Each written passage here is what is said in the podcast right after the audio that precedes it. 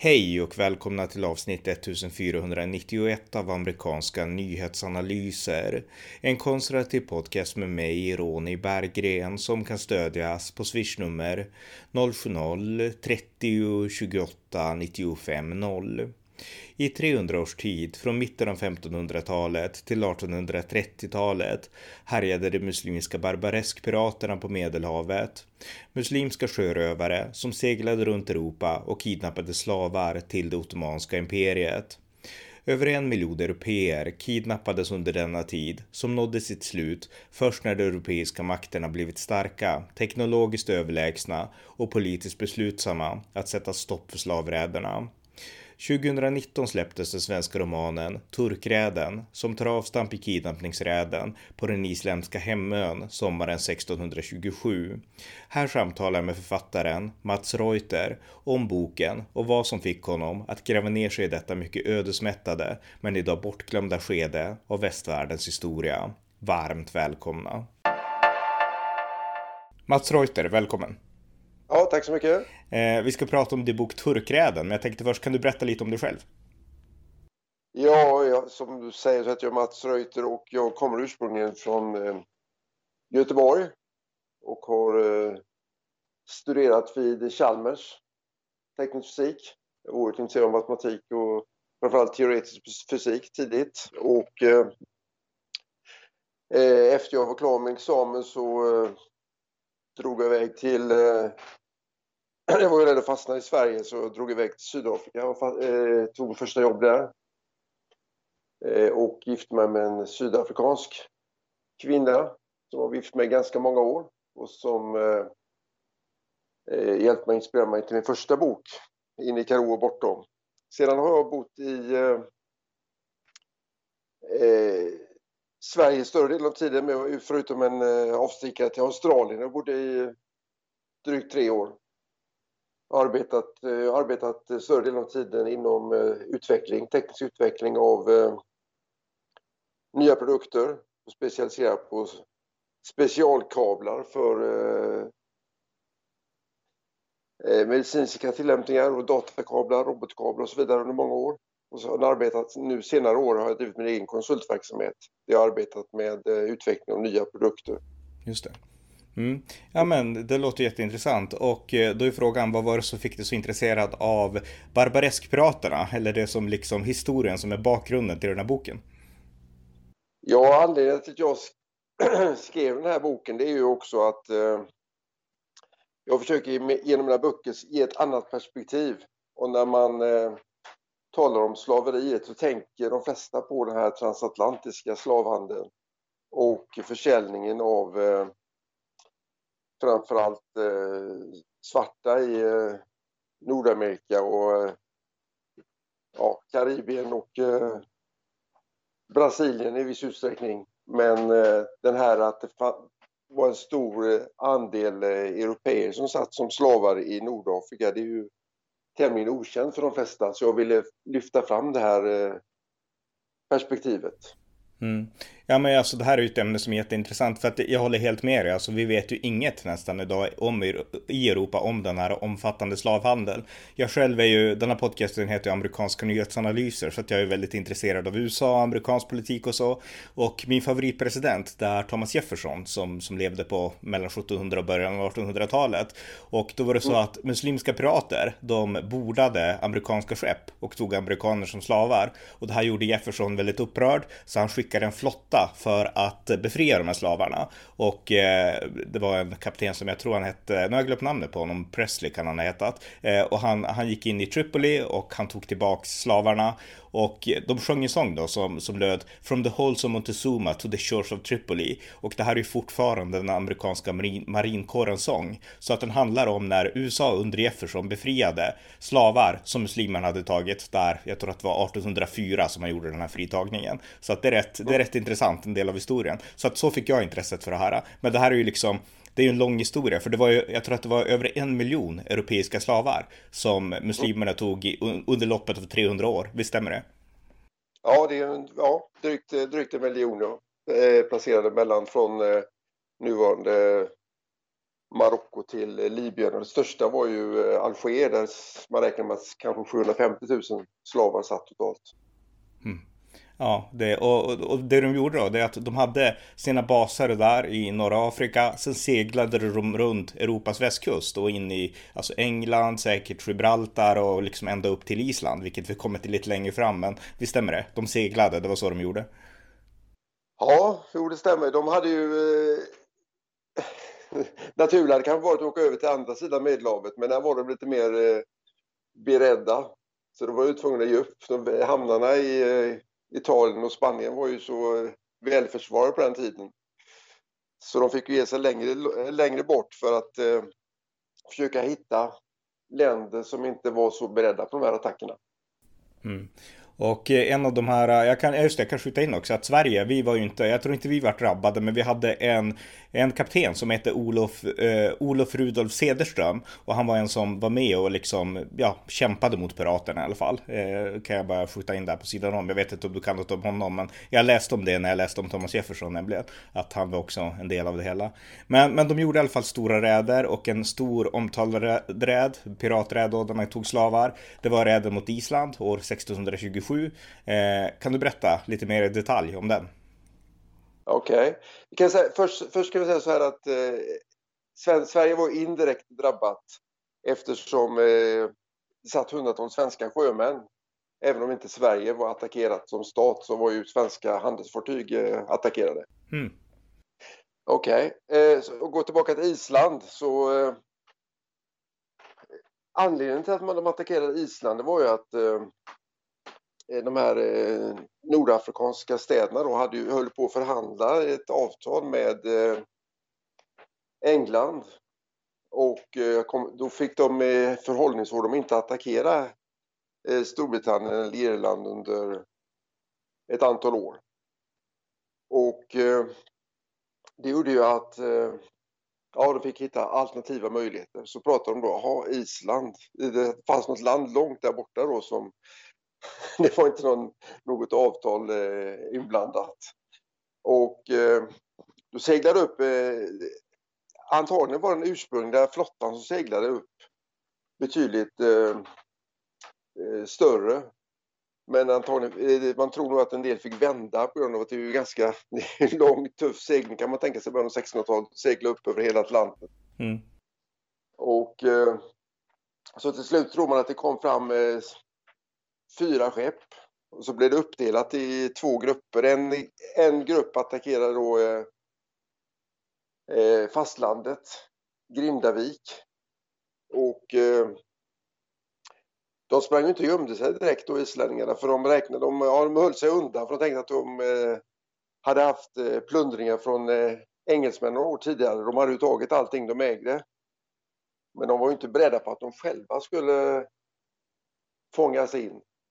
Så de höll sig inte så långt bort utan sen plockade de bara de här eh, islänningarna och tog med som slavar. Och sen eh, den här eh, första attacken de tog också några eh, engelska fiskefartyg så det kom några engelska eh, fiskare också som var en bit eh, väster om Island där. Och de, de kom, åkte ner så småningom till Salé i eh, Marocko. Sen men då var ju de förvarnade på Island om det här så det, en månad senare så kom den stora attacken då från eh, tre skepp från Alger. Och eh, då attackerade de först eh, Östfjordarna längst bort. Tog några eh, ja, fa familjer på gårdar där. De, de, tog ju dem som de ville ha då. Eh, ganska unga män och kvinnor som, eh, och de äldre och barn slog de ihjäl. Och folk tog och de brände folk inne. Det var ju ett brutalt gäng där. Det var ju slavjägare. Och eh, sen tog de sig till eh, Hemön. Man tror att de kan få hjälp av en, eh, en dansk lots då som är med i min, eh, min bok där och hitta, hitta dit. Och där eh, har det blivit en stor traumatisk upplevelse under århundraden. De tog cirka 400 där som eh, eh, totalt då eh, under den resan tog de kanske 400 men de flesta tog de på, eh, på Hemön då. som är den enda bebodda ön eh, av Västmannaöarna söder om Island. Ja, just det. Och det för ju så indirekt in i romanen, därför att din bok, jag har inte läst hela, ska jag erkänna för dig och för de som lyssnar, men jag ska, jag ska läsa klart den, jag, jag hann inte det. Men jag har läst två kapitel och den börjar då med att eh, huvudpersonen, Arman heter han, han, han bor på ön och han bevittnar hur piraterna kommer, han får se sina söner bli ihjälslagna och han får se på avstånd, för han har gömt sig tror jag, och han får se hur hans fru och dotter blir kidnappad av de här brutala piraterna. Och de seglar iväg, han kan ingenting göra och han blir helt, ja, själsligt förstörd av det här. Och han går till några vänner och liksom våndar sig och tänker att jag måste, jag måste göra något, jag måste segla efter. Så långt jag läst och sen har jag läst lite, lite mer när han började segla iväg. Men eh, alltså det är en spännande början, dramatiskt redan från början. Ja, man kan säga att det är också intressant också att eh, en sån här eh, sak man kan flika in är ju att de här eh, att de kom så långt överhuvudtaget, att de hade tekniken, det var att de hade lärt sig från Holland. Flera av de här ledande sjökaptenerna var holländare. Och det berodde på att de hade fått yrkesförbud i Nederländerna innan. Och då ville de ändå fortsätta vara, kunna vara, fortsätta vara pirater. Och då flyttade många till Nordafrika. En del konverterar till islam också. Mm. Och ja. Eh, ja. Ja, nej precis. Och jag tycker att det, det är ju rätt intressant för att den här pirat, det är liksom, det, det är tudelat där. Alltså piraterna de kom i grunden från de här islamska länderna, så fanns det de som konverterade till islam och blev pirater. Och väldigt många europeiska laglösa, de, som, de hade ju ingen plats i Europa, så att de anslöt sig till de här muslimska piraterna och gav dem då på så vis liksom europeisk teknologi och europeisk, liksom, europeiska lotsar inte minst, vilket var helt nödvändigt i många avseenden. Så att det fanns ju ett, ja, ett ganska tragiskt samarbete där också. Ja, ja. Och eh, en del, en del klarade sig väldigt bra sen i eh, Nordafrika. En del blev framgångsrika också. Men det var ju ibland blev de ju eh, en del, en del blev tillfångatagna och själva ja, kedjades då för liv, för, till livet där i på, ja det finns, fanns ju Malta till exempel och Rhodos då som stod på den andra sidan och eh, tog de här eh, piraterna och så, eh, ja, avrättade dem. Ja. Men om du berättar lite mer om den här resan som huvudpersonen Arman gör, alltså utan att berätta för mycket, men bara lite grann så liksom lyssnarna ja. får en uppfattning om, om hans äventyr. Okej. Okay. Ja, det är ju ganska, jag har ju lärt mig segla under den här perioden som jag skrev boken faktiskt, så du förstår mm. att det är, är oerhört, det var inte bara för att skriva boken, men det råkade bli så. Och det gjorde ju att jag blev inspirerad också och eh, försökte lära mig om vad som var realistiskt. Det är ju en väldigt svår resa som Arman ger sig ut på. Eh, han ger sig ut då efter att eh, efter piratbåten för att försöka befria sin hustru och dotter i eh, Nordafrika. Så får man ju följa honom när han stannar till på diverse ställen i eh, eh, Irland och Frankrike och Lissabon då innan han slutligen kommer till eh, Nordafrika för att hitta sin eh, fru eh, och dotter. Man kan ju nämna också att unga kvinnor var ju populära. De togs ofta som sexslavar. På samma sätt som de görs idag av IS till exempel. Mm. Så det är ju så det är ju inte så... männen blev ju, fick ju arbeta oftast i ja, i stenbrott till exempel. Men det var ju även många som var specialiserade och tog som eh, hantverkare.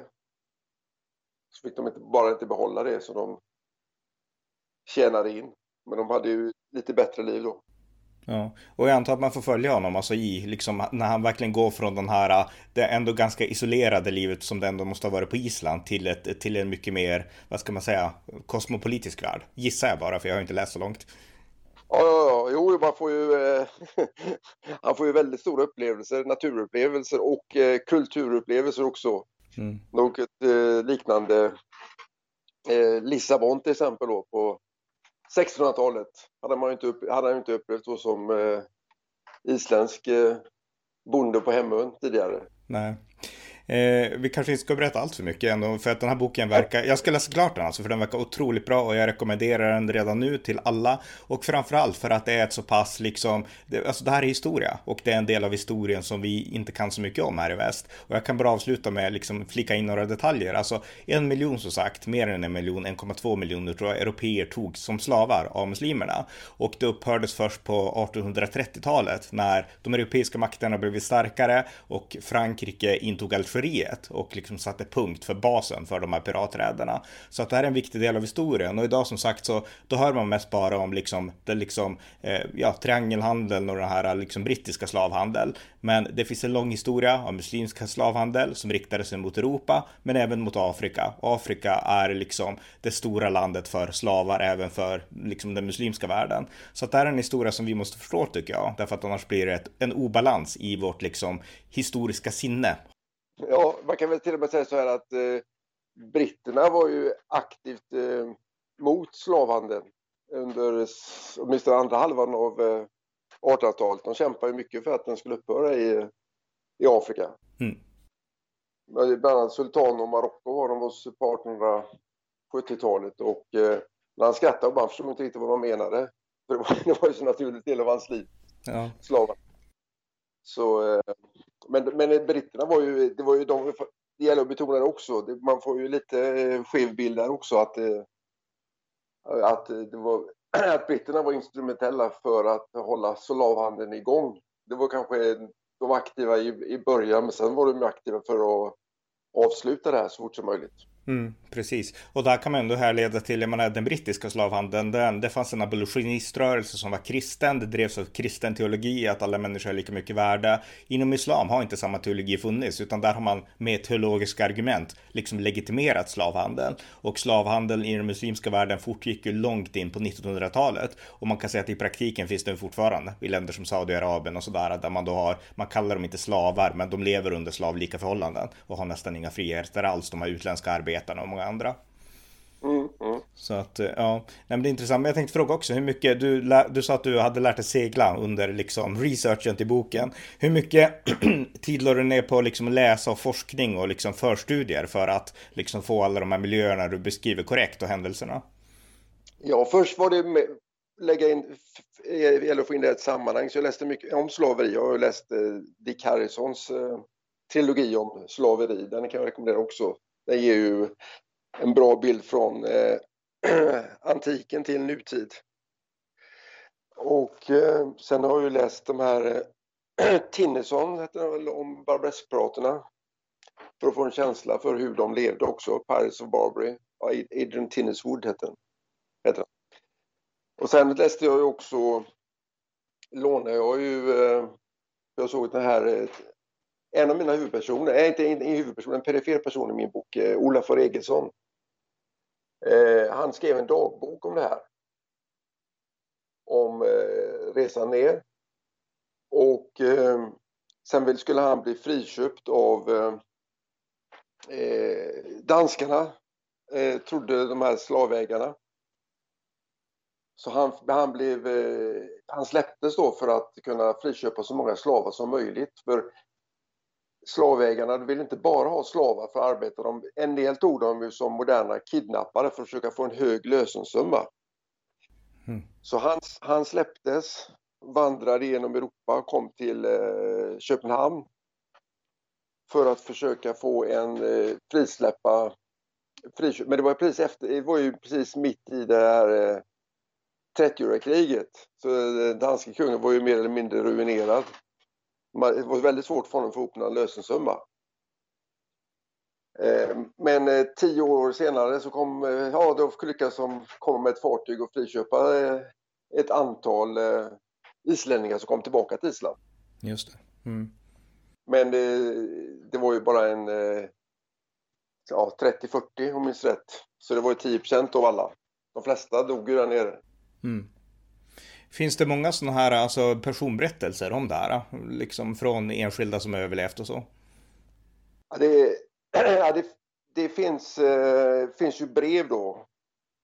Några stycken. Det enda som finns är ju egentligen här eh, The Travels of Reverend Olaf Regelsson som har här.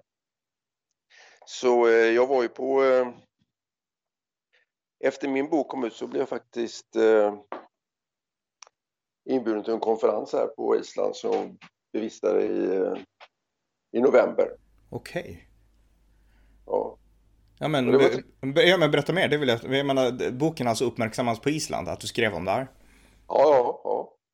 Så jag blev eh, inbjuden dit. Det var trevligt. Det var en konferens. De har en konferens där då och då när det kom fram något spännande. På, just på Hemön där den stora attacken var. Mm. Så fick jag prestera min bok där. Just det, spännande. Men alltså finns det på Island ett medvetande för den här händelsen? Jag menar här i, som sagt, här i, Europa, så Island är också Europa, men här i Europa vet vi ju inget om det här. På Island har man alltså bevarat minnet av det här på ett helt annat sätt, eller? Ja, jag skulle säga att de flesta islänningar eh, känner till händelsen, att man eh, utbildar sig i det här. De var till och med på Hemön, där den största attacken var, där, där skickade de upp eh, en person på det högsta berget varje dag för att spana efter turken i över hundra år efter det här hände. Mm. För att eh, de kände det här hotet hela tiden. Mm. Men, men alltså det är jätteintressant för att jag, jag har kompisar som har varit i västra Afrika, Nigeria och liknande och där finns det ju så här minnesmonument, fort och så där där man låste in slavar och ja, de kommer tillbaka till Sverige och berättar åh vad hemskt med slavhandeln liksom. Men ingen, liksom, ingen vet det här om Island, att det här liksom, det, det var likadant för oss, fast då var det andra som var slavjägare och det var andra som var offer. Eh, och på Island kan man också minnas där, det vet ingen liksom. Så jag tycker att det, ja, det, det, det är intressant hur, hur obalanserade vi kan vara i, i, i förståelsen av det här. Ja, det är därför jag försöker skriva mina böcker för att skapa den här balansen. Mm. Och ge det andra glömda perspektivet då. Ja. Eh, hur pass, eh, hur uppmärksammad har boken blivit då, här i Sverige? Nej, i Sverige har det väl eh, varit begränsat. Det är några som skrivit om den. Han, eh, eh, Dick Harrison tyckte den var eh, bra. Han skrev positivt eh, omdöme om den och han är ju rätt känd. Så mm. det var positivt. Ja, eh, verkligen. Men på Island, alltså då, den är, är den då översatt till isländska eller är den på engelska eller? Nej, än så länge är den bara på svenska. Men de, de eh, läser, lär ju sig danska i skolan så eh, bedömningen var att det var så många som kunde läsa den så de köpte in ett antal så alla större bibliotek skulle få den på Island. Okej, okej, ja, ja, det visste jag inte att de förstod svenska, men okej, just det, intressant. Ja, eh, nej, men då får vi hoppas att den här boken säljer mer, för som sagt, det här är ett viktigt ämne och det är få som lyfter fram det här, liksom det här perspektivet. Så att jag rekommenderar verkligen boken Turkräden, jag ska läsa klart den. Och eh, ja, hur köper man det lättast? Ja, man köper den väl eh, lättast genom eh, eh, nätbokhandeln, Adlibris, Bokus, även direkt hos förlaget på Luminos förlag. Mm. Ja, nej men då, då rekommenderar jag er som, som lyssnar att köpa den. Eh, är det något mer du vill berätta om liksom boken eller liksom miljön eller researchen eller någonting? Eller känner du att du har liksom berättat det du behöver berätta nu? Eh, ja, jag har väl gett den, eh, den bakgrunden. Jag, jag kan säga att jag åkte till Hemön eh, eh, som en researchresa också i september 2014. Mm. Han hade aldrig varit på Island först. Först åkte jag runt hela Island, sen tog jag färjan över till Hemön. Och, eh, det var just för att få känslan, för det är ju väldigt speciell miljö, för att få känslan för de här klipporna. Där de gömde sig, de som kom undan. Mm. Så eh, jag gick runt där och... Eh, så det var ju den, det var ju den eh, research jag gjorde av den faktiska miljön. Sen var jag även på Vasamuseet för att få eh, det är ju ett unikt skepp då för att få känsla för hur skeppsbygget såg ut just på den tiden. Det är ju i stort sett samtida med den här händelsen. Hur pass stora var skeppen? Alltså var de i den storleken eller alltså de här piratskeppen eller var de mindre eller? Eh... Ja, de, ja, så stora var de normalt inte utan de var något mindre men mm. eh, det var ändå själva, själva bygget fick man ju en känsla av. Ja. Eh, en fråga till också som jag kommer att tänka på nu när du berättade om liksom de här klipporna så, så att den här personen, han gömde sig i början och du sa att, eh, att, eh, alltså att man gjorde det, det var inte av feghet i första hand utan det var en strategi därför att tidigare så visste man att de är bara ute efter att plundra engelsmän och sånt där, alltså att vi, det räcker med att vi gömmer oss. Var det det som var liksom, var det därför man gömde sig? Det var liksom inte att jag är rädd, så kanske man var det också men. Ja, Hemön, det, ja, det gömde de sig för att de visste att, eh, där visste de att de tog slavar. detta var en månad efter den här händelsen på Grindavik där de har tagit slavarna. Mm. Så den var ju känd då. Så de gömde sig väl för att komma undan. Just det. Mm. Ja. Eh, ja, nej men då har jag inga fler frågor utan som sagt, eh, jag rekommenderar er som lyssnar att köpa boken och jag vill säga tack till dig då Mats för att du, du ville prata om den. Så tack så mycket för det här samtalet. Ja, tack för att jag fick delta. Väldigt trevligt.